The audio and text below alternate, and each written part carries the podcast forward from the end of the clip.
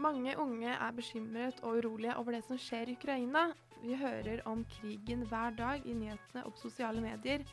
Krigen som mange trodde ville vare i noen dager, har allerede vart i over ett år. Hvorfor er det krig? Kan det bli krig her i Norge også? Og kan de i førstegangstjenesten risikere å bli sendt ut i krigen? Du hører på en podkast fra ungforskning.no, og jeg heter Malin Haugan. Dagens gjest er forsker Tor Bukkvold. Han har forsket på Ukraina og Russland i en årrekke, og jobber i Forsvarets forskningsinstitutt. Hvorfor er det krig i Ukraina nå? Den viktigste grunnen til det er at den russiske presidenten, som heter Vladimir Putin, eh, og mange andre i den russiske politiske ledelsen, over tid har kommet fram til at de mener at Ukraina ikke har noe rett til å eksistere som en egen stat. Eh, de sier, og det Putin skrevet sjøl, det fins ikke noe ukrainsk folk, de er bare en del av det russiske folket. Det fins ikke egentlig et ukrainsk språk, det er bare en dialekt av russisk. Mm. Uh, og da så var ikke det så problem, noe stort problem så lenge Ukraina på en måte holdt seg venn med Russland. Mm. Men når Ukraina begynte å søke vestover, så likte ikke Putin det. Og det er den viktigste årsaken til at det ble krig. Mm. Så Putin mener egentlig at uh, Ukraina er en del av Russland allerede? Ja, han mener at i hvert fall at det bør være det. Han ser tilbake på historien, og da i historien så har jo Ukraina vært en del av det russiske imperiet i lange perioder. Så han tenker at det er på en måte den naturlige tilstanden. Eh, og derfor så vil han, eh, Jeg tror han ser det som sin eh, jobb så lenge han er president, å gjøre sånn at du kommer tilbake til det, det når der Ukraina er en om ikke akkurat en del av Russland, så i hvert fall nært forbundet med Russland. Mm. Jeg har jo lest en del i nyhetene om krigen, og det virker jo som at mange er litt overraska over hvor lenge den har vart, og at kanskje dette er et nederlag for Putin. Hva tenker du om det? Ja, det, Vi vet jo ikke det ennå, da. For vi vet ikke hvordan krigen går. Mm. Så eh, sjøl om det går ganske dårlig for russerne nå, så kan vi ikke utelukke at det blir en form for russisk seier på sikt. Ting kan skje. Ukrainerne kan gjøre feil i de militære operasjonene sine. Eh, det kan bli dårligere med støtte fra Vesten, f.eks. Kanskje en ny president i USA som ikke vil hjelpe ukrainerne så mye. Så det er ikke noe sikkert eh, at det blir en ukrainsk seier, men det er en veldig stor mulighet for det. At det blir en eller annen form for ukrainsk seier. Og det vil være en katastrofe for Putin. For da har han alle de russiske soldatene som da er drept og såra i den krigen har jo da eh, dødd eller blitt såra forgjeves. Mm. Og han har fått, gjort det sånn at nå blir Sverige og Finland sannsynligvis medlemmer til Nato. Så han ville ha tapt veldig mye hvis han ikke klarer å tvinge gjennom sin vilje på ukrainerne. I hvilken grad påvirker krigen oss her i Norge? Den påvirker oss eh, ganske mye. Eh, mer sånn direkte så er det jo f.eks. at vi har høye strømpriser har med krigen å gjøre. fordi at eh, Pga. krigen så bestemte Europa seg for ikke å importere mer gass fra Russland. Da ble energiprisene i Europa høyere, og så ble de høyere i Norge. Så vi har en del sånne direkte konsekvenser på vårt dagligliv, kan du si. Og så påvirker det oss på andre vis i at uh, Forsvaret, eller Norge nå og Forsvaret, har bestemt seg for å hjelpe Ukraina med våpen. Så vi har sendt ganske mye våpen fra Norge, mange forskjellige typer, til Ukraina for å hjelpe dem til å ta tilbake territoriet sitt. Eh, og så påvirker det oss på den måten at eh, verden er litt skumlere og litt farligere. Mange snakker f.eks. om at eh, Norge er veldig viktig for Europa nå med vår gass til Europa. Og kan man tenke seg kanskje at Russland ville prøve å sabotere det. Så derfor så har vi mer overvåkenhet rundt oljeinstallasjonene i Nordsjøen enn vi hadde før. Så det, mm. beveger, eh, det påvirker oss egentlig på ganske mange områder. Allerede rett etter invasjonen sa 80% at de var villige til å ta til våpen for å forsvare Ukraina. For ti år siden var dette tallet bare på 40% Ukrainere var på det tidspunktet den befolkningen fra det gamle Sovjet som var minst villige til å forsvare landet sitt. Kan det bli krig her i Norge, tror du? Jeg tror ikke at denne krigen vil spre seg til Norge.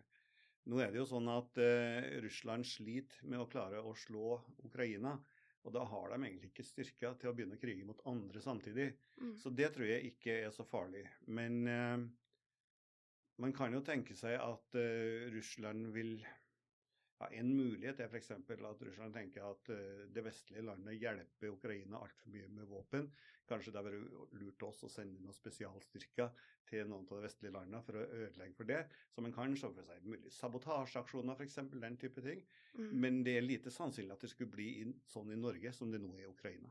Ja, for det er jo ganske mange som er redde for det nå.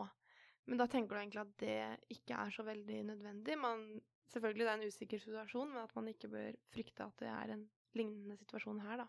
Nei, det vi frykta kanskje mest en periode, særlig i fjor, var jo at Putin skulle bruke atomvåpen i Ukraina. For det kunne jo prinsipielt altså Hvis han gjorde det, så kunne man tenke seg at det blir større atomeksplosjoner, og at det ville få konsekvenser og langt utover Ukraina sine grenser. Mm. Men det ser mindre sannsynlig ut nå. Eh, forskjellige kilder mener at Putin faktisk på et tidspunkt vurderte å bruke atomvåpen, men så har bestemt seg for at det ikke vil lønne seg for han.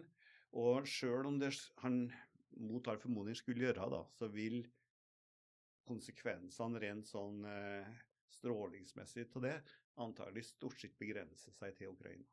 Det er jo ingen tvil om at det blir mye usikkerhet når en konflikt kommer så nærme som den gjør nå. Og jeg vet ikke om det bare er meg som har tenkt på førstegangstjenesten som en type sånn dannelsesreise mer enn forberedelse på faktisk krig.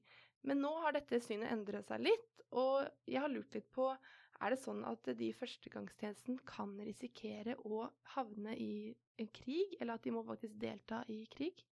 Det er jo det man trener seg til i førstegangstjenesten. Du trener rett og slett på å delta i krig. Eh, så det går ikke an å si at det ikke vil skje. For det, altså, Hvis det hadde vært umulig, så ville vi heller ikke ha en førstegangstjeneste. Men det er veldig lite sannsynlig at de som har vært i førstegangstjenesten, og nå går inn i førstegangstjenesten, skulle havne i denne krigen. Mm. For denne krigen handler først og fremst om Ukraina. Så kan man jo ikke utelukke at uh, det over tid blir et så dårlig forhold mellom Norge og Russland f.eks. at Russland vurderer å bruke militærmakt mot Norge. Det er, derfor, det er den viktigste grunnen til at vi har et forsvar. Hvis det hadde vært helt usannsynlig at Russland skulle, noen gang skulle bruke militærmakt mot Norge, så har vi antagelig ikke brukt alle de pengene som vi gjør på forsvar. Og hvis det skjer, så kan jo òg de som har vært inne i førstegangstjeneste, da bli kalt inn igjen og måtte delta i krigen. Mm. Men det er ikke noe vits å gå rundt og bekymre seg for at man plutselig nå blir sendt ned til Ukraina, eller Nei, det tror jeg ikke. Det er mest fordi at veldig tidlig i denne krigen så la Nato, som da vi er medlem av, den alliansen som vi er medlem av, la ned noen sånne retningslinjer. og Det var at vi skal hjelpe ukrainerne med våpen, vi skal hjelpe ukrainerne med å trene soldatene deres, vi skal hjelpe dem med penger. Men vi skal ikke sende våre egne soldater i krigen. Og vi skal eh, heller ikke innføre det som var snakka om som en flyforbudssone. Altså at man bestemte seg for å skyte ned eventuelle russiske jagerfly som fløy over Ukraina. Dette var jo noe ukrainerne var veldig lei seg for. Men, mm. eh, altså Ikke hjelpa, selvfølgelig, men det her at vi ikke ville gå lenger. Men det, det retningslinjene ble lagt ned ganske tidlig i krigen, og de er gjeldende fortsatt. Ukrainske flyktninger er stort sett veldig fornøyd med mottakelsen de har hatt i Norge. Bare 26% av de ukrainske flyktningene i Norge ønsker å returnere til hjemlandet sitt så fort krigen er slutt. Resten er usikre på om de ønsker å reise hjem igjen, og 20% har allerede bestemt seg for å bli værende i Norge også etter krigen er over.